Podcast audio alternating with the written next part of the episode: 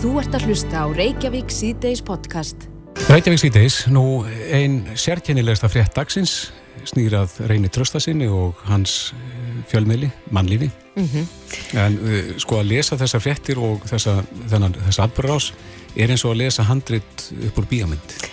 Já, svo sannarlega. En það var brotist inn í bíl Reynist Traustasonar í gær mm -hmm. og ímislegt uh, tekið þar með að liklar af skrifstofum mannlífs Já. hérna nýri ármúla og, og þar letu þjóvarnir uh, greipa sópa. Já, Reynist Traustason er á línu, kom til sæl. Já, komið sæl. Já, stjálfilega fréttir fyrir þig og þinn fjölmiðl og fyrir fjölmiðlun í heild en uh, lístu aðeins því sem að gerðist. Þú byrjaði á því að fara í fjallgöngu eins og ofta áður? Já, ég fer, sko, ég er alltaf með hópa á 50 dögum og Ólarsvelli klukkan 1800 og það er á vegum berðarfélagsins og menn vita það svo sem margir. Mm -hmm. en það sem ég vissi ekki gær er að, að ég, þessum, mér hefur veitt eftirför, það er einhverju sem er að bylda sem ferðið mínum. Og þegar ég kemur að fjallinu um klukkan 8 þá uppkvöldi það að það búið að bróta hliðarúðin í bílnum, það búið að stela hundabúri og, og einu og öðru. Mm -hmm og ég held þetta væri svona bara einhver smákrymma glæpur, einhver sem væri að brjótast inn í bíl til að ná sér í einhver verðmætti en eh, svo kom hann á daginn í nótt því að það ringti mig mjög snemma í morgun og mér er sagt að við hefum þessi allur út en það var bara auðlýsinganda mm -hmm. og þegar það er fann að kanna máli þá kemur í ljósa að það búið handvirt að eigða öllu, bara styrpulega og handvirt að eigða öllu efni út á mannlífi. Mm -hmm og eh, á þeirri stundu höfðu engan grunum að þetta tengdist málinu í gerðkvöld. Nei.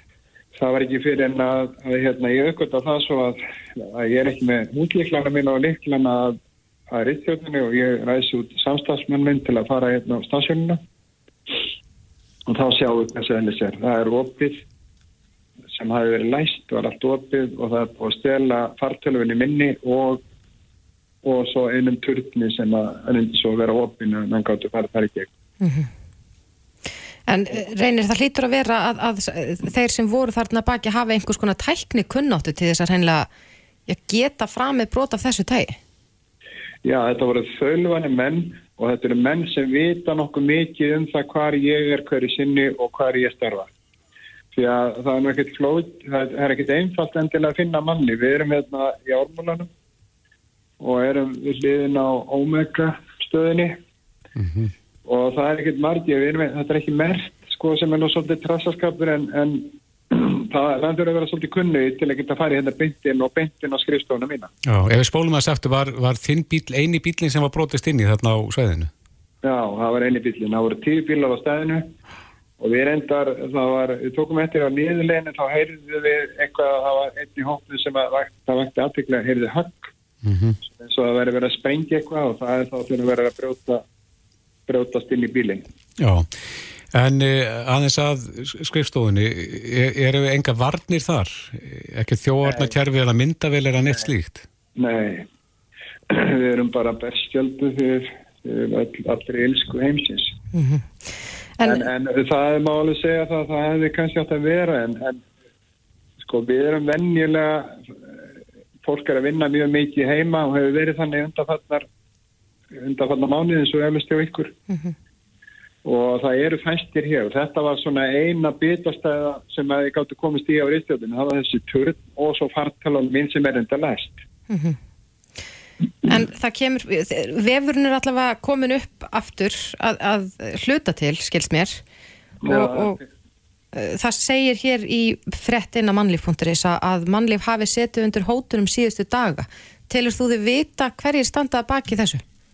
Nei, ég, nei, nei, ég get ekkert vita það. Ég veit ekkert hver er svo fórhertur að koma hérna inn og, og vera með fullin sansum. Við erum ekki að tala um drukkið fólk að dópa. Við erum að tala um fólk sem er, gengur vel um, gengur ákveði til verka, veit nákvæmlega hvað það þarf að gera. Mm -hmm og, og hótanirnar hafa verið um það frá Róberti nokkrum vestmannum að hérna, við aðfendum öll gögg sem snúað honum og uh, hann hefur sigað okkur einni dýristu lögfræðiskristofi heims til þess að krefja okkur um, um þau gögg sem við kunnum að hafa um hann persónulega Er, er það gögg sem að átti að byrta eða? Nei, það, ég veit ekkert um það. Hann bara byður um allt sem að stýra honum bæði sem persónu einstaklingi mm -hmm. og sem, sem bóstjóru alvoken, alvotek, hvað sem það er. Erstu með öðrum orðum að segja að, að, að þú grunir hann og hans fólk um þennan verkefni? Nei, nei, ég má ekkert segja það og ég má ekkert halda neitt. Ég bara, ég, ég bara segja hvað er búið að ganga í minni lífi undan daga. Mm -hmm. Og skoða tímalínuna, það er tveir dagar sem ég fekk þetta bref frá þessari skrifstofu sem er nú nokkuð illa þokku eftir að hafa gengið erinda Harry Weinstein. Og ég menn ég stíl ekki ef, að, ef að hann veit þessi gögg okkur fær hann ekki vilja vil eða, eða hann gunnar vil minna eitthvað nýja byggja okkur um það? Okkur er svona mikið lagt í málið? Mm -hmm. En væri það ekki svolítið illa ígrund að, að senda svona post og mæta síðan tveimundögun setna og, og og ná í gögnin? Það er mjög heimskulegt en það sko ger ég ekki ráð fyrir að Robert hafi verið hér sjálfur. Ég bara hef enga trú á því að hann myndi menna því. En, en sko ég er bara að tala um það að þetta sem er búið að ganga á undanfari e, í einhverju samhengi svo kemur það í ljós að mér er fyllt eftir. E, hvernig svo sem það gerist og hvert svo sem er að gera það. Og svo kemur þessi súpa, það er aðast inn í bílinn, það er brotst inn í bílinn og það er hérna farið inn á rittumina. Mm -hmm. En það kvartlar ekki að mér eitt andutak að við skulum að við halda því til haga að Robert Westman hafi verið hér að færi. Nei. En, en, en hvernig... Hann er, grein, hann er greinilega sko hefur mikla ber þungan hul til okkar, það er þannig. Já. En hvernig líður þér núna, Reynir? Þetta hlýtur að vera já, ógveikjandi að vita að þér hafi verið veitt eftirför og, og síðan eh, já, brotist inn bæði í bíl þinn og, og vinnustad. Jú, ég er náttúrulega bara, ég, ég er reyður og sár. Ég, hérna, við búum á Íslandi, ég hef svo sem búin að taka á mig margpusi hér og, og hef verið ímisthatar eða elskaður eitthvað, hvernig sem það er. Ég hef aldrei upplifað svona vinnubröð áður. Þetta er sko, þetta er, það er svo mikið bortlis óþverðarskapur í þessu að það er alltaf hægt að lýsa þeim orðin. Mm -hmm. Við erum hérna með alls konar tækja tól. Við erum með síðanend blagamanna, við erum með ja, domstóla, við erum með fjölmjölamend og ef að menn hafa eitthvað við fjölmjöla aðtöð, eitthvað fjölmjöla eða fjölmjöla, þá fara þeir þá liðina. En þeir fara ekki út í það að beita sko andlegu, grófu, óbeldi og brjóta og eðlíkja. Nei. Það er þarna sko dreyið limma ég, og ég gerir mér alveg fulla grein fyrir því. Við á mannlifi, við erum ekkert elskuður allir það er, það er hérna því það fer vinsfjörði en, en þetta er eitthvað meðferð sem við eigum ekki stíli Ætlar að bæta úr vörnunum svona úr þessu? Já, já, já, ég menna við erum þegar búin að hérna, byggja upp eldveiki hér og þar og, og við erum sko klárlega að bæta úr öllum vörnum það er ekkert annað að gera Nei. en fyrst þurfum við að glýma við áfalli þetta kostar okkur mjög mikla peninga og, og tíma og, og þannig ekki bara fólk ná að jafna þessu því það er öllum bröðið Já, þú ert búin að vantarlega kæra máli til lauröglu? Hér voru menn í morgun að taka fingra þör og, og skoða þetta í baku fyrir þannig að ég er að vona það að þeir tækja þetta alvarlega lauröglu. Þeir vildi reyndar ekki koma þegar ég ringdi að í gær eftir, eftir innbrotið í bílim. Mm -hmm. Það svaraði með þannig að hann hefði ekki tími að sinna svona kvapi sá laurögluma eða, eða hvernig svo sem hann var það. Já. Það er kannski verið aðeins gott að þeir eru komið þá. Akkurat. Þeir komið morgun í, þegar þetta var ljóst. Já. En reynir, sko, telur þú þetta vera til marg sem reynilega nýjan veruleika fyrir fjölmiðla? Þetta er alveg splunkun í veruleik. Ég menna það sér hver sjálfa sig í því. Bara hugsaður ef að þú, þú bara það er einhverja eldaði eftir vinnur. Þannig að stútir að hvert þetta fara, er þetta að fara heimtíðin eða er þetta að fara í fjallgöngu? Þegar þú ert nú tekinn til í fjallgöngu þá gott að nefna það. En, en sko hvernig tilfinning er það að vera með einhverja ódrætti á eftir sér? Skerfileg og svo, gera, svo, svo bara bæta er nú þau brjótast inn í bílinn og þau brjótast inn á vinnustæðin stela tölvum og reyna líka allt það sem er á öfnum mm -hmm. þetta er bara þetta er bara alveg splungunir verleiki mm -hmm. sem ég hef aldrei í mínum viltustu draumum haldið að gæti orðið Þeir stálu tölvunniðinni, persónulegu tölvunni, var, var mikið af efni þar sem að þeir gerir kræsilegt að komast í? Nei, já, ég veit ekkert um hvað er kræsilegt. Það, ég meina, þið eru fjölmjöla þið hafið alls konar gögnundur öndum og, og þið vilja ekkert að það sé hver sem er að vasast í því. Nei. Og svo er náttúrulega, er, eh, svo er það, það er náttúrulega ykkar að mitt að meta hverju sinni hvað af þeim gögnum sem við höfum fer út, hvað þólir skoðun, hvað þólir að fara út, út í hérna kosmóið. En þú vilt ekkert að það sé einhverjir, einhverjir, eitthvað óvanda fólk með öll því hvað. Já. En uh, líður enn þannig eins og, og að, að, sko, að þú sért í hættu núna að, að það verði einhverjir frekari eftirmálar af þessu eða? Nei, nei, mér líður ekki þannig. Ég, ég hérna, er alveg svell rólegur yfir þessu öllu. Það er, það er sko, ég óttast ekkit, ég er náttúrulega komin að þann aldur og það tekur ekki að vera óttast eitthvað, en, en hérna, ég óttast ekkit, ég vil bara koma réttlætt yfir svona fólk. Ég vil bara að, að það veri dreigð fram í dagsljósi þetta lið sem haga sem er þessum hætti. Þetta er ekkit annað nýðingar. akkurat. Við skulum vona að lauruglunni gangi vel að rannsaka þetta mál. Reynir Traustason, reitstjóri mannlífs. Kærar þakki fyrir þetta og gangið vel. Já, takk fyrir. Þú ert að hlusta á Reykjavík C-Days podcast. Jæja, snúum okkur aðeins að handbóltanum. Þeir voru frábærir, íslensku strákanir í gær. Þvílík framist það. Já, og einhvern veginn íslenska hjartað sló náttúrulega eins hérna hratt og ört og, og, og fast eins og hugsa stjetur í gær þegar að svona á bátinn gefur. Já, sko, mér langaði rosalega mikið að horfa á leikin en, en það var háttatími hjá dætur mínum. Þannig ég sat inn í herbyrgi þar sem þær voru að reyna að, að sko sopna Já, og ég var að fylgjast með leiknum í beinni textalýsingin og vísipunktur og með það já, og kiftist svo til í sætinu þegar eitthvað gerðist. Já, þannig að þú sást tölurnar hækka. ég sá tvölunar hækka. En e, það vakti líka aðtekli að e, margir sem að svöruðu kallinu þegar að það var bóðið upp á hópferð á e, leikin í gær sérstaklega og einn af þeir sem svaraði kallinu og fór að stiðja liði í gær var fórsetin okkar, Guðni T. Jóhannesson sem er á líninu, kom til sæl Sælveriði. Já, þú svaraði kallinu og mættir í höllina í, í gær, Hvern, hvernig var stemningin? Hún var, eh, já vissuleiti get ég leitt mér að segja súrsætt. Eh, Ég var búin ákveða að halda út en svo þegar eh, þessar fregnir bárust af smiti í herbúðum okkar þá þá lág nú við bara, ég hugsaði með sjálfur mér, ég, ég tek þannig bara íþróttaskona með þessi grefur og, og, og hugsaði nú líka jafnvel að kannski væri það betra að eftirláta bróðum minnum Patriki miðan. Já, En uh, við letum ekki þetta á okkur fá og uh, ég skal fúslega viðurkenna að fyrir leik hugsaði með mér að, að svona tap þar sem við gætum uh, svona gengið sæmirlega samt frá borði væri jafnvel það besta sem uh, væri í bóði en uh, svo kom bara á daginn að þessir strákar sem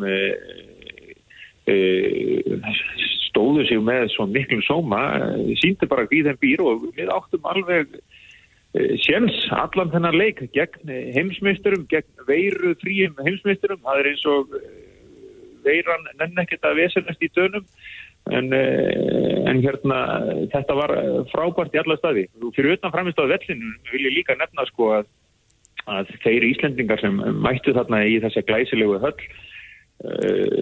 létu svo sannarlega sitt ekki eftirliggja og uh, heyriðist náttúrulega meir í þeim en, en okkar ágættu uh, frændþjóð dönum sem voru þó markvælt fjölmennari. mm Va Varst þú meðal áarðenda þarna eða varst þú sem fórseti á okkur en sér stað?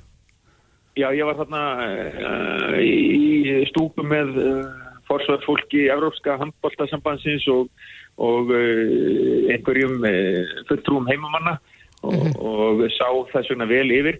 Og meira að segja, ég var á þannig stað sko að ég fyrir neðan mig miðja veguð við völlin var mikil hrúa danskra stuðnismanna En þar í, í hóknum miðjum sá maður alltaf uh, íslenskan fána sem blakti og var veifað í gríð og erg.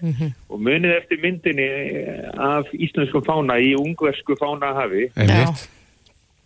Þar var aftur komin Kristín okkar Steinþórsdóttir og uh, létt svo sannarlega ekki um eitt degan síga þarna og allir dænitin hafði ekki verið bróðskup líi glad með það það var afskaplega gott fyrir þjóðarsálinna og, uh, og þjóðar stoltið að sjá þennan íslenska fána þarna og í alla staði frábært. En auðvitað er þetta þannig að þessi leikur uh, fer í sögubækurnar ekki vegna þess sem framfóru vellinum heldur hins að, að liðið var stórlega laskað út af þessum smitum sem Eh, náttúrulega blessunarlega skilsmanni að eh, leikmannin séu frískir mm -hmm. en, en allt þetta mót verður náttúrulega brent því að það er háði við þessar undarlegu kringumstæðu sem líku nú vonandi sem. Já, það var nú haft eftir þjálfvaranum Guðmundur Guðmundssoni að, að mögulega hafi þetta verið síðasti leikurinn í mótinu.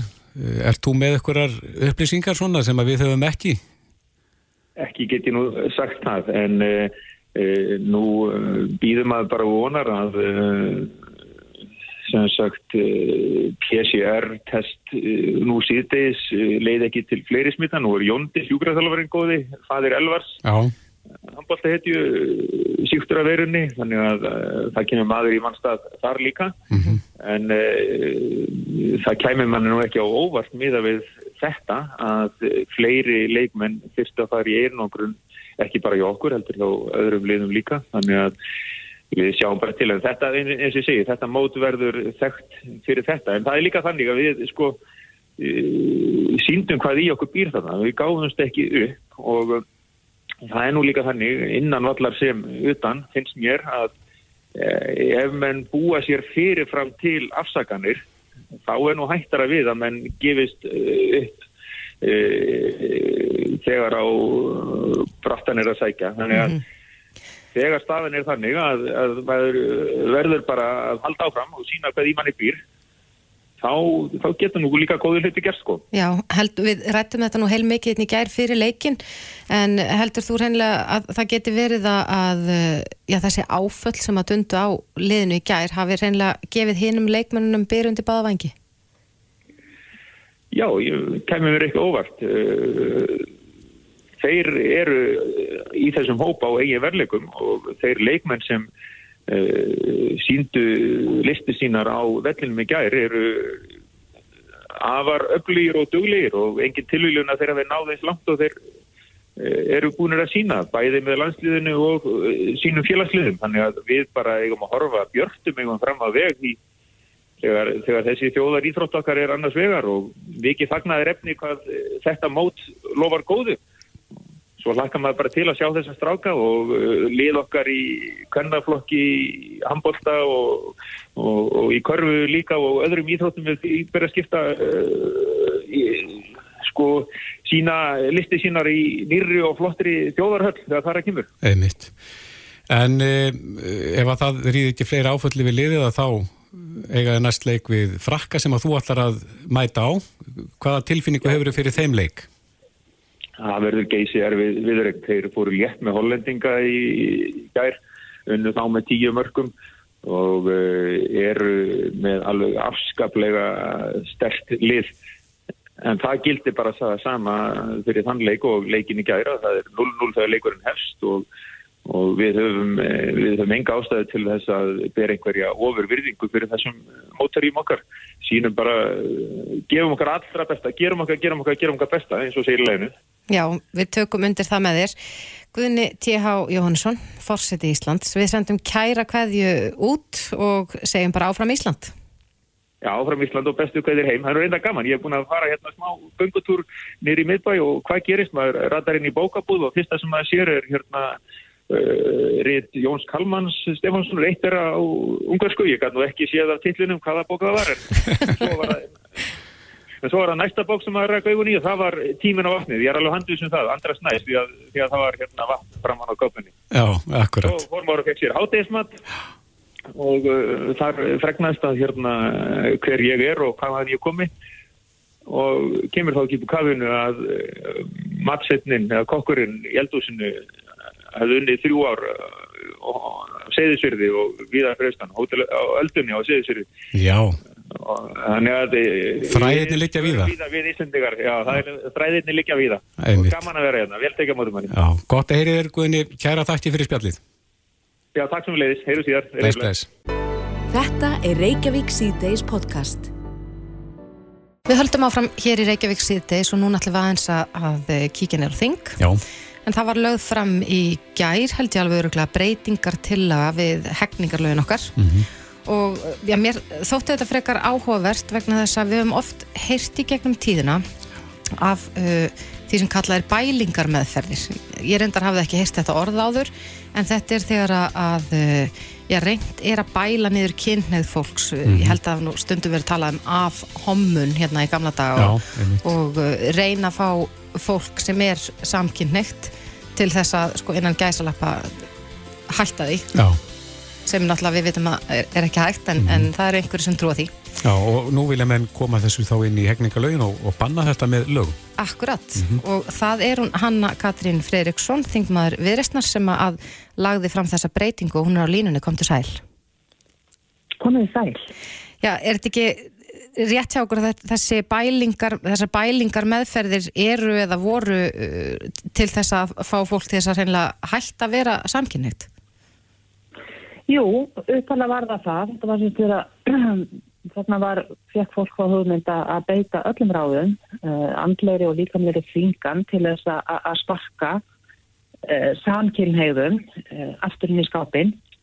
Og nú er ég svo sem reyndar búin að- útvika máli þannig að þetta næð til hinsveginn fólks, þetta er ekki bara samkynhegð, þetta lítur að kynhegð, kyntjáning og kynvitund. Þannig að það er svona hérna, tíman að tákn uh, og, og er raunverulega bara í anda þeirra breytingar, uh, upplýsinga og, og, og, og jákvæða breytingar sem hafa orðið í samfélaginu en, en þetta hefur setið það eftir.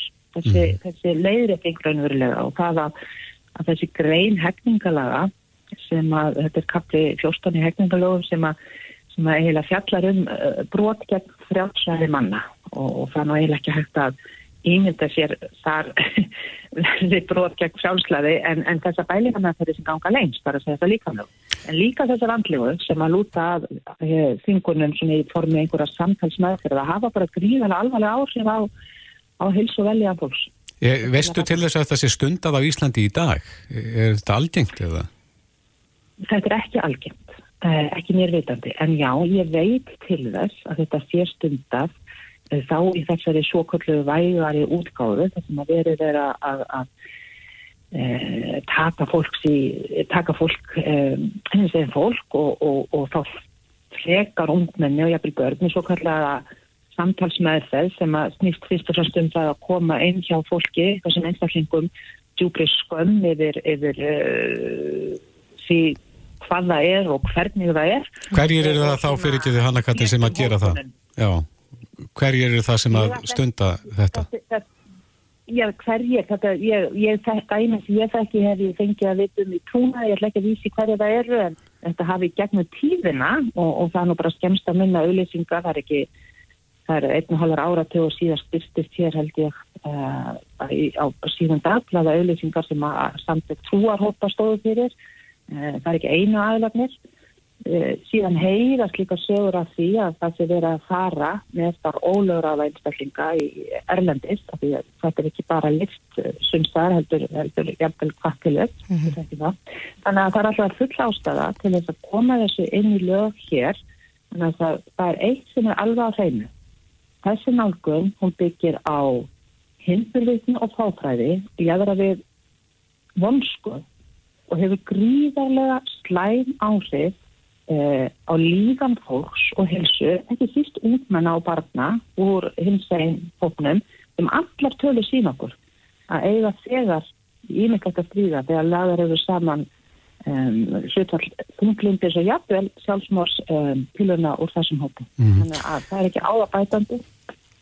En þú talar um samtalsmeðferðir, er, eru einhverjir helbriðstasminn sem, að- sem að stunda þetta, sálfræðingar eða slíkt? Ekki mér reyndi. Nei. Ekki mér reyndi og ég á bara reynfallega erfitt með að ímynda mér það. En hvernig er þetta á Norðurlandunum hérna eða landunum í kringum okkur? Er, er svona bannað þar? Það eru núna hvert landi á fætur öðrum, minnstakosti að þeim sem við viljum almennt bera okkur saman við sem eru að uh, skoða eða uh, búin að setja slík lög og í, á öðrum Norðurlandum uh, Breitlandi, Fraklandi og viðar Írlandi þá er nú til skoðunar að, að fylgja fordæmi þjóðverja og Kanadabúa, Sviðsleitinga, Brasíliumanna og andra sem hafa bannað þetta. Mm -hmm. uh, með öllu. Sumst var að bannið svona hálfgerst, það er að banna uh, þessi líkamlega yngripp og eða mið eða átjónaraldur en þau lög, sem lögin hafa síðast verið sett og þá er ég bara að tala um 1-7 ár þá verist algengar að hafa þetta bara algjört bann. Akkurat. En þú uh, allavega leggur fram þessa tillögu og, og uh, í raun og veru þá eru þetta að tala um bann, sko, eða brot gegn frjálsræði einstaklinga, en þú vilt að, að þetta orð sjáist sérstaklega í lögunum þannig að það sé tekin allur vafi af um það hvort að þetta sé leifilegt hér á landi ekki? Já, nákvæmlega. Meina, það er að við lósta að, að grófustu meðferði sem þekkjast, það er að segja svona líkamlega fingun, það eru slík brot að þau heyrðu bara aðra, aðra greinarhefningalaga, það er bara mm -hmm. líka smeyðingar og, og pyntingar. Um, en, en ég vil fá þetta allt þarna inn, ég finnst að annars verður eins og ég segi, það er bara tímans hátn og, og þetta er brot gegn frálsæðar fólks. Það er líka hitt að við höfum á síðustu árum gert skurski því að bæta laga umhverfi hins en fólks hér á Íslandi. Við höfum fyrir lifandi löngum við ná samfélag á þann stað og einhverja hluta vegna beigð hefur lagalega umhverfi eh, var það svolítið eftir. Það hefur verið lagað þannig að þetta er eiginlega bara eitt púsli í þá mynd sem við erum að viljum uh, teikna upp hér á landi hvað þetta var. Já og þú sagði hérna í byrjun að, að þegar, það sem þetta er stund að það er ekki verið að, að ná fólki tilbaka heldur að vera að koma inn í skápin aftur. Já, já, það sem þetta er þá, þá einmitt, það er einhverjulega að gera það að vera að, að hérna, byggja á þessari hindur vitni að þetta er eitthvað sem hægt er að laga mm -hmm. allavega áferðin á því að því yfirleitt uh, myndi ég nú segja að þeim sem stundaklika með þeirri að þetta til hennar stendur slett saman um lífan þessari einstaklinga heldur vilja bara tryggja það að það lítið þannig út að þessu um, ekki hins eða lengur mm -hmm. En þú ætti eftir að mæla fyrir þessu inn á þingi ekki satt? Jú Málið er, uh, það eru tólf, við erum tólf meðflutnismenn á málinu úr uh, fjórum flokkur en það hefur ekkit endilega alltaf það þegar það er stuðning svona mál fá síðan í, í endanlega meðferð og ég trú ekki öðru, ég fylgist með því hvernig auðvitað og, og allir hvernig hérna, stóru lagaborgarnir og málefni kynstæðingurs fóru gegn uh, á síðan þetta kemurfili og ég bara býst ekki við öðru en samsvöndu stuðningi við þetta mál. Já. Hanna Katrín Fredriksson, eh, þingmaður viðrestnar, takk kærlega fyrir að skýra þetta út fyrir okkur. Takk kærlega fyrir mig og þá tækifærið fyrir að gera það. Góða helgi. Góða helgi. Reykjavík síðdeis á Bilginni podcast. Jæja, snúum okkur eftir að EM, þetta er náttúrulega það sem saminar þjóðina þessa dagina. Já, og það voru nú ekki gleði tíðindi, það var erfitt að fylgjast með því þegar að hver leikmaðurinn eh, greindist smitaður af COVID á fætur öðrum. Mm -hmm. en, en ástandi hefur bytnað svona mis illa á uh, liðunum. Uh, ég held til dæmis að Þískalandslið hefur mist alls 12 leikmenn á sínu lið Já, þeir, þeir, það hefur verið höggvið stórst skarði í þeirra raðir. E, og þú svo bættist eitthvað við íslenska hópin í dag sem að greindust. Fréttamenn og fleiri er að greinast þarna líka. Akkurat, en uh, það hafa sko verið svona gaggrinsrættir um, um það hvort það sé reynilega að halda þessu til streytu, þessu móti þegar að smittin er orðin svona mörg. Já. en Frankværtastjóri handknalleg sambands Evrópu hefur sagt að standi ekki til að blása móti af. Mm -hmm. en Á línunni hjá okkur núna er Guðmundur B. Ólafsson sem er formaður HSI. Kom til sæl. Sæl. Hefur eitthvað verið rætt að draga íslenska liðu út úr keppninni eða fara fram á að keppninni verði, keppninni verði slegin af? Nei, það hefur ekki neitt komið til tals. En þetta held ég að það væri mikil áhætt að gera slíkt. Já, hver er staðan núna? Eru, það er náttúrulega bárustur eftir því í dag að, að fleiri hafi greinst neðal hann sjúkaraþjálfari liðsins? Já, þannig að það, það bættist við. Þetta er, það eru tekin hraðpró mm -hmm. og, og hverjum mótni núna og síðan eru PCR-pró. Já. Og tekin síðan að kvöldi, þannig að þá likur við stað fyrir á mótni. En þetta er að lenda mishart á, á liðunum. Það uh, að því að nú er verið að vinna sér einn keppnisrétt á þessu móti þykir þetta alveg eðlilegt og, og sandjant að, að halda þessu til streytu? Ég, ég sko, það er bara er, er erfitt að hætta svona móti, menn eru lagður á stað í verkefni mm -hmm. og uh, menn heldur heimsmestramótið í fyrra í Egiptalandi og það gekk svona nokkurnu inn uh, upp og þannig að menn voru kannski fulli bjassinni þegar fóru á stað. Það sem við höfum doldið gaggrind í þessu er það okkur finnst svona aðbúnaðurinn ekki að hafa verið góður. Og þegar við komum til dæmis á hótelið hjá okkur og þá voru þar aðri gestir, jafnvel á sömu hæð. Þannig að eh, við vorum búin að leggja mikið í og, og kosta til að halda mönnum alveg örnum með því að halda okkar mönnum á hótel í Reykjavík og síðan mæti maður á hótel það og þá voru það bara allt fullt að gestum. Hafið þið kvartaði við þessu? Já, við letum strax vita á þetta fyrsta fundi, svo kallum tæknifundi.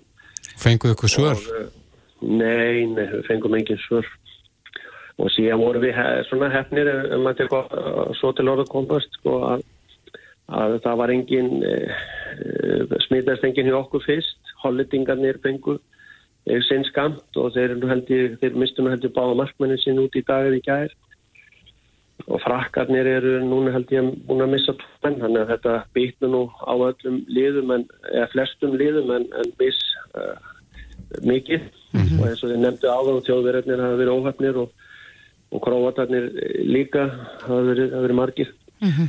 en vandamál okkar er bara það að hópurinn okkar er bara ekkit svo stór þannig að hver maður sem dettur úr þessum 20 manna hóp hjá okkur er, er, það er mjög dýft okkur. Það er, það er ekki eins mikið úrval. Nei, en við hefum vonað liðsöka í dag er það ekki? mannstað. Ha, eh, við fengum liðsöka í dag er það ekki? Eða eigum vona á tveimur eh, leikmennum? Jújú, við komum tveir í dag og uh, það kemur maður í mann stað eins og við sáum í leiknum í gæðir þar sem að, að þeir sem hefði verið fyrir utan liðið að þeir stóðu sjálfur frábæli í gæðir og, og mikið stoltur á framistöðu liðsins í gæðir. Já, viltu spá fyrir um úslitt leiksins á morgun? Nei, nei, ég læt hann og eiga sig en ég, og hann bara menn spilir bara með hjartanu eins og menn hafa gert og, og, og komið fram allt ykkur hand í Íslands og þá skilar alltaf góðum árangri. Já, ég verða skjóta því að vegna þess að síðast er að við rættum saman, það var hérna bara fyrir örfá mánuðum síðan og þá voru við að tala um þjóðarleikvang og, og nú erst þú stattur þarna úti þar sem að þeir byggðu þess að höll á átján mánuðum skilsnir. Já. Fyllir þetta bjart sínum að þetta sé hægt hér? Já, hún er alveg stórglæsil þessi höll en hún tekur 20.000 manns og, og mann sem undra sig af hverju við getum ekki byggt ykkur áttahúsmanna höll eh, með höll fyrst að þetta er hægt að gera þetta á svona stuttum tíma. Já, þannig að þið setjum kannski krafti að þrýst á að þetta verði að veruleika þegar þið komið heim. Já, ég vona það. Ég, allavega finnst mér uh, umræðin hjá, hjá núverendir ámennum og ráð þeirra íþróttamála að, að menn er mjög positífur á því að reyna að klára þetta. Já, einmitt. Guðmundur Bjólásson, formadar HSI, kæra þakki fyrir þetta og, og bestu kveður út áfram Ísland. Já, takk, takk, skila því. Reykjavík síðdeis á Bilginni podcast. Í gær fór fram viðurkenningarháttíð félagskvenna í atvinnulífunu. Já, þetta er orðin árlegu viðbörður. Akkurat og uh, já, þannig eru konur úr atvinnulífunu heiðraðar mm -hmm. og þetta hafa, eru sko viðurkenning, kvartningaviðurkenning, viðurkenningin, þakkar viðurkenningin og, og þarfram til göttunum og, og það er já, gaman alltaf að lesa um nýsköpun mm -hmm. og eitt það nýsköpunarverkefni sem ég held að hafi verið kannski mest talað um að undarförnu er Carbfix. Já, það er talað um þetta svona þegar að talað um línun í arðar. Já. Eitt af þeim ráðum sem að hægt er að nota til þess að, að reyna að berja stegn. Akkurat. Því? Ég held nú, ég hafi heyrt uh, Katrinu Jakobsdóttir fórsettsráðar að tala um þetta sko oftar en einu svona oftar en tviðsvars. Mm -hmm. En uh, svo kona sem fekk kvartningar viðkenningu FKA árið 2022 er hún Edda Sif Pind Aradóttir, framkvæmdar stýra Carbfix og hún er á línni, kom til sæl þetta. Já, komið í sæl. Já, til hamingi með þetta. Það hlýtur að vera góð viðurkenning að fá þessi kvartningar viðurkenning. Já, að sjálfsögðu. Það er alltaf rosalega gaman að fá klapp á bakið. Akkurat. En þú hefur uh, nú sko unnið að, að rannsóknum sem tengjast orkumálum í, í að tæpa á, tvo áratu, ekki satt? Jú, þetta fyrir að vera svolítið tími þegar, þetta, þegar maður svona horfir hérna tilbaka. Uh, Stærstu hluti af þessu hefur samt auðvitað verið að þróa karfisteknina og það er bara gaman að sjá hvað við erum komið langt í dag. Mm. Er, er þetta sér íslensk hugmynd? Þessi tekni? Nei, ekki hugmyndin sjálf uh, en hún, tæknin er búin að vera þróið á Íslandi alveg frá upphafi og Ísland hefur leitt þróunina en við höfum líka verið í samstarfi við alþjóðlegar rannsóknarstofnunir og háskóla alveg, alveg frá upphafi. Segðu okkur hans út á hvað gengur þessi aðferð? Þegar við tökum koldíóksið sem að annars er sleppt út í andrumstoftið, leysum upp í vatni sem er búin bara til svona sótavatn, dælum ofan í basaltberglög og þar verður það steini. Já, já. Já. Og er þetta hægt allstaðar eða eh, þarf, þarf eitthvað sérstakar aðstæðu til þess? Já, það þarf ákveðna jarðfræðilegar aðstæður. Uh, við viljum berg sem að bindst við koldíóksiðið en það er nú þannig að þetta berg er að finna mjög víða, uh, svo til allstaðar á Íslandi og, og mjög víða erlendis líka. En hvernig fara því að sapna þessu saman, þessu koldíóksíði? Það er gert með ólíkum hætti uh, og það eru einar fjöldi teknifyrirtækja sem hafa þróað teknilusni til þess að fanga koldíóksíð annarkort úr útblæstri eða þá beint úr andrumslofti. Uh, við hefum líka þróað okkar eigin tekni sem er beitt hér við hættislegavirkjum en, en það skiptir hann ekki máli hvaða, hvaða tekni er notið til þess að fanga koldíóksíð. Við komum svo inn með, með Carbfix niðurdælingar aðferðina. Akkurat. Það er þetta mjög mikið talað um loftslagsvána og, og já, losun og þýmlíkt. Það er svona, það er svona gleði tíðindi að heyra að það sé hægt að, að snúa þessu við með einhverjum hætti. Um, er, sjáu þið fram á stækkun og að gera meira af þessu hér á landi? Já, svo sannlega og er ekki vanfarið á bæði hér á landi og erlendis uh, og við höfum reyndar séð alveg rosalega mikla breytingu á bara síðustu tveimur, þreimur árum.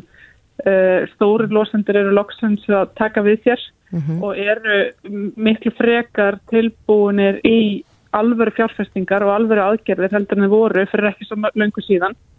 Og það eru þetta bara góða fréttir uh, að því að við þurfum að ná mjög miklum árangri bara á næstu örfá árum í að snúa við þessari þróun hvað var það lofslagsvana. Mm. Ég er svona aðeins að reyna að sjá fyrir mig tæknina, er, hægt að sapna koldíóksíðinu saman á einu stað og flytja það síðan þanga sem að þessu er dælt nýður? Já. Væri hægt að, væri hægt að sapna því á Akureyri og uh, dæla því nýður uh, í hverjadölum? Já, já, og það væri meirist að hægt að sapna það í Skotlandi og koma með til Íslands og dæla niður hér eða öfugt. Já, já. Þannig að hérna, já, já, það er allt hægt í þessum efnum en auðvitað þeim mun stittri sem flutningurinn er, þeim mun hálfkvamara er heildarferðlið. Þannig að það þarf að huga því auðvitað líka frá upphafi en, en þetta hjálpar okkur auðvitað þar sem við höfum kannski ekki réttar jarfræðilegar aðstæður þar sem að losa ná sísta. Akkurat. Væri hægt að sapna þessu saman í, í ökutækjum? Þegar nú er Já, það hluti af það þessum... Er, það er hægt, Já. já, það, er, það er bandarist, við hefum ekki prófað það á Íslandi en það er bandarist fyrirtæki sem er búið að þróa tekni til þess að sem fangar í rauninni koldjóksútblastur frá svona stórum fraktbílum, drukkum eh, og, og síðan er, er koldjóksinu bara sapnað í tank og, og svo er hann bara tappað af honum á, á þar til gerðum stöðum þannig að það er alveg verið að skoða það líka en auðvitað skiptir hvað var þar hérna eh, samgöngur þar eru þetta helst verið að horfa til þess að, að fara í orkuskipti og nota ramagn eða, eða einhvers konar rafelsneti Akkurat. nýja faratækin. Já, þetta er auðvitað mögnuð tækni og, og nýsköpun í, fólkin í þessu og við höfum nú, ég fengi viður að því að, að loftslags frumur Al Gore hefur til dæmis verið að dásama þessa tækni ekki sett? Jú, einmitt. Við bara erum svo lánsum að, hafa, við höfum vakið aðtekli við það og, og náðu eirum margra og það er bara ótrúlega mikil sverði fyrir okkur og, og heims fjölmjölarnir eru líka döglegir að koma til Íslands og, og taka upp efni um okkur og, og, og spila. Þannig að við vorum að síðan enn bara í síðustu vikum. Já, og, og finnið fyrir miklum áhuga í appil frá öð, öðrum ríkjum að, að já, skoða hvort hægt sé að gera eitthvað svipa þar? Já, mjög miklum áhuga uh, og, og bæði frá Evrópu, Norður Ameríku, Asíu og, og, og meira sér að fleiri heimsálum líka sko. Það eru allir að taka við sér og vita að þeir þurfa að grípa til alveg aðgerða mm -hmm. og það þarf auðvitað fjölda lausn og okkar lausn er ekkit eina lausnin sem þarf að innlega og, og skala sko en, en hún þarf að vera hluti af lausnuminginu. Akkurat. Já, þetta er mjög spennandi og, og uh, við segjum bara til hamingju enn og aftur fyrir uh, þessa kvartningar viðkynningu FKA. Etta Sif Pind Aradóttir, framkvæmt að stýra Carpfix. Takk fyrir þetta og góða helgi. Já, takk fyrir mjög og semulegis. Þetta er Reykjavík C-Days podcast.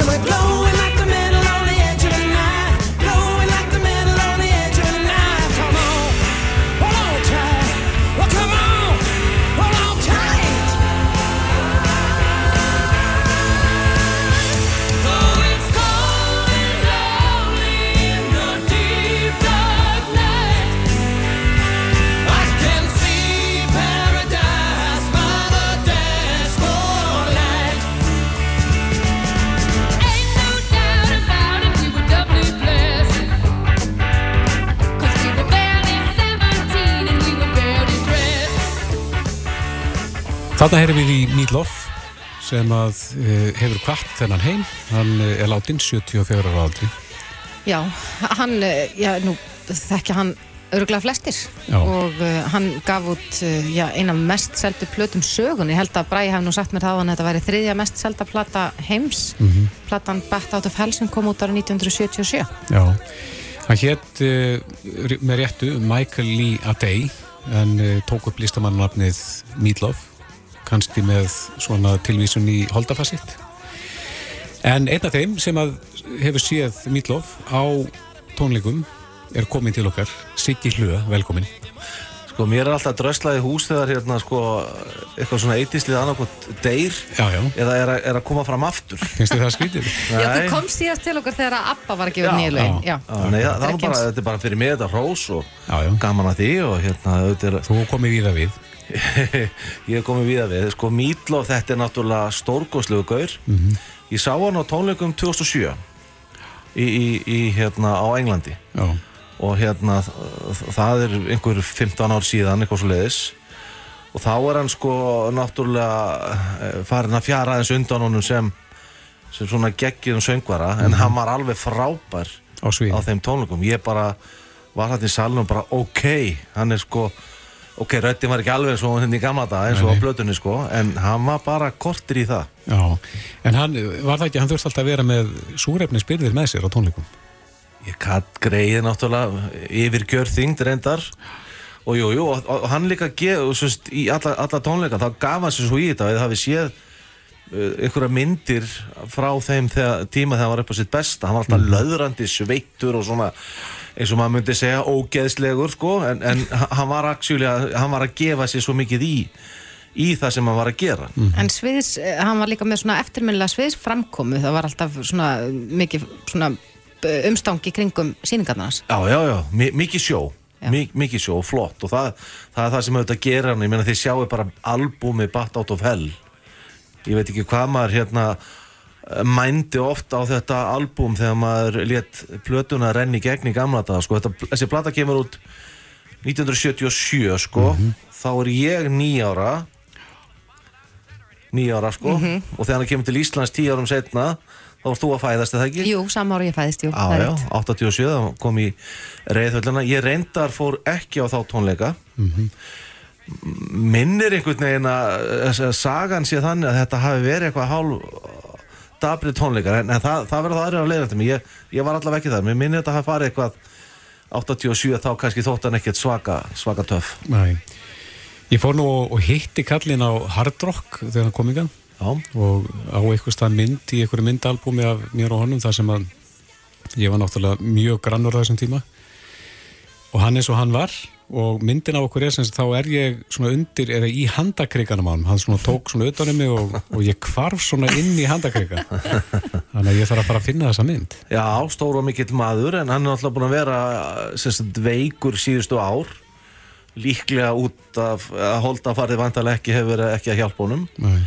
og svo herði ég nú stær í dag hann hafi nú látist vegna þess að hann fekk COVID Já. þannig að ég sel það nú ekki dýrar en ég kefti ég sá einhverja frétta utan að það veri líklega það sem hafi orða honum að aldur til að. En eh, ef ekki að heyra bara annar lag í það minnst að part af öðru lagi með kallinum? Jú, endilega.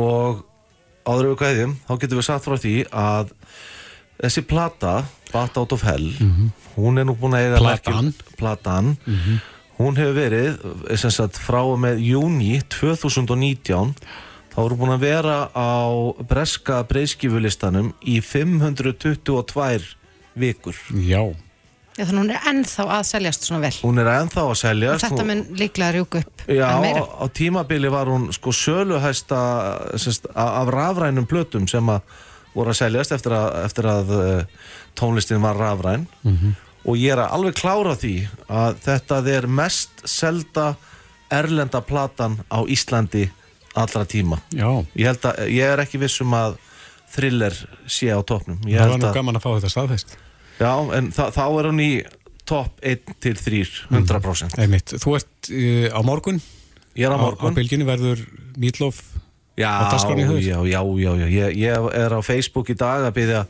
hlustendur um að svona komið tillögur á lögum og þetta verður erfitt að velja 2-3 út til flutnings en við, við látum að síðan eiga loka lægið á morgun og svona. Já, akkurat. Smá gæsa húð, Flottir, Siggi Löf, takk fyrir komuna. Hlö átt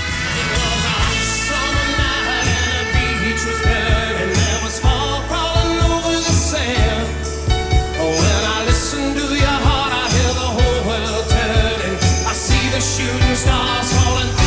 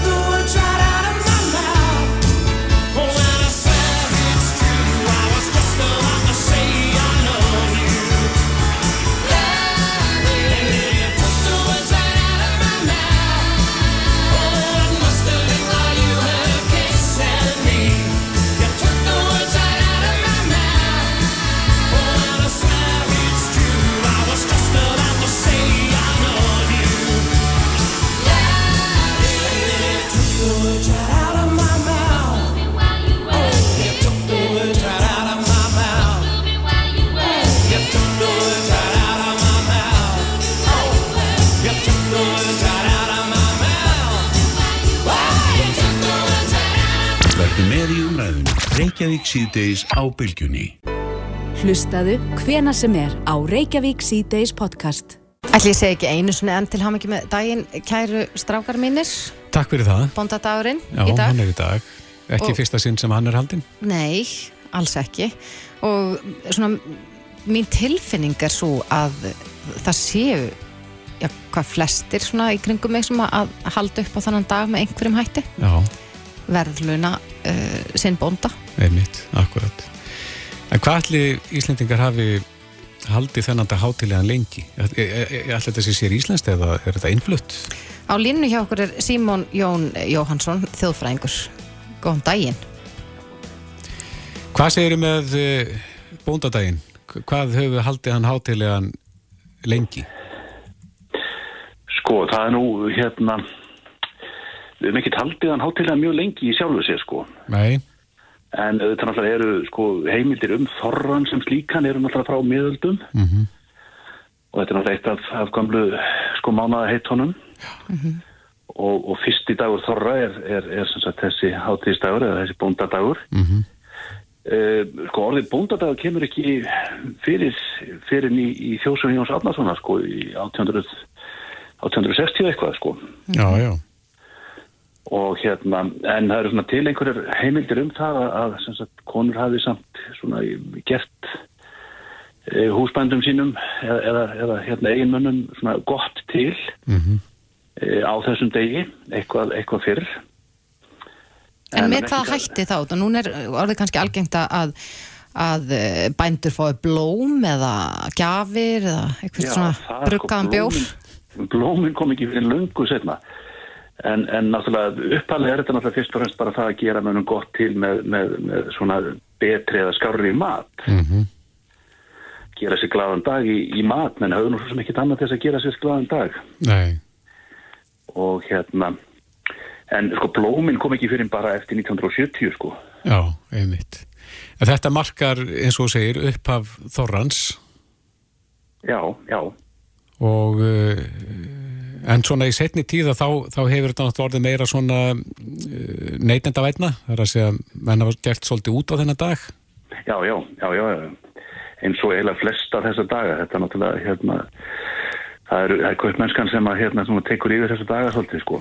En, en var þetta flutt uh, inn til landsins, komu menn með þetta hérna þegar að landnámsmenninir eða, eða fundu menn upp á þessu hér sko menn náttúrulega koma með, með hérna þú veist þessar hugmyndir um, um þorra og þessi mánareiti þetta með sér þegar þeir koma en við vit- vitum ekki hversu langt aftur sko menn, menn fara að gera sig glaðan dag akkurat á, á þessum degi sko Nei, er einhver hjátrú sem að fylgir þessum já, degi? Já, það er með hjátrú sem fylgir þessu Uh, það er til dæmis veður hjátrú Mhm.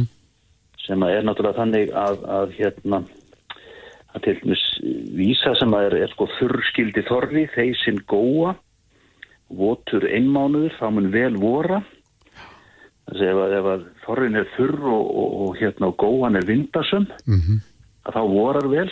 Já, já, Það er útsýðan það núna því að spáin alltaf næstu dag er alveg til maður svona hefi reyningaspáir ekki. Jú, ég fekk alveg smá stingi maður þegar þú sagði þetta. Það er, Þetta bóðar ekki gott En hérna, nei, nei, en svo er þessi þorra blót náttúrulega að koma, eins og við þekkjum, þau koma þetta setna til sögunar. já, Og hérna, það eru til heimildir sko frá, frá því svona s- síðari hluta 19. aldar að þá eru, eru svona mentamenn og embættismenn að hérna koma saman og gera sér glaðan dag í, á þorranum.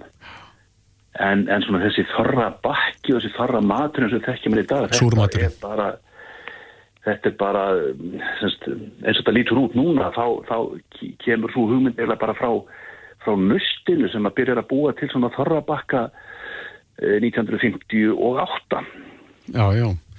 Fara þá í, í einhverja hefðir, gamlar hefðir hvernig matur var geimdur Já, þá svona, já, týna menn til eitthvað sem fannst vera sko svona ekta íslenskur gamaldags matur. Mhm. Og við náttúrulega geimdum mat þetta með því að, saltan, súrsan, þurkan og svo framvið sér áður fyrr og, og menn svona týndu þetta í þennan bakka þar sem að þeim, þeim þótti, þótti passa í hann. En uh, hvað tekur við næst? Nú er auðvitað, uh, það er bóndadagur í dag Já, já. Hver, hver eru svona næstu dagarnir uh, sem tengjast þorranum? Ég svo er bara heldur, heldur þorrin áfram sko bara og, og hérna enda svona alltaf þegar góa byrjar, góa byrjar sem sagt í februar. Er það í kringum konudaginn? Já, konudagur er fyrsti dagur góð Já, já. og það er sem sagt 18. til 24. februar. Þetta er eftir í hve- hvenar á þessum dögum sunnudagurinn er því að, að góa byrjar alltaf sunnudegi en þorri byrjar alltaf á förstu degi og, og þetta er sem sagt, já, þetta er mánuðurinn bara þarna á milli sem við köllum þorra. Já, já. En það er nú uh, meira fjátrú sem að fylgir þessum degi. Áttu menn ekki að klæða sér aðra buksnaskálminn og hoppa ringin í kringum húsið sitt? Jú, er það ekki jú, tengt þessum er degi? Svo er það, það er nú en reyndar svona frekar óljósar heimildir um þetta. Það er eiginlega bara Jón Opnarsson sem að, að segja frá þessu e, á einum stað og, og þá er hugmyndi svo að menni að fara já, út af, af mótni, þessi húsbóndina og fara út af mótni Mhm. á skýrstunni einni saman og berlæraður fara síðan í brókina en bara aðra skálmina. Og hoppa svo í kringum bæinn. Á öðrum fæti. á öðrum fæti. Og bjóða þorran hjartanlega velkomin. Og hvað átti það að bóða? Já, það er ekki skýring á því í sjálfu sér hjá Jóni.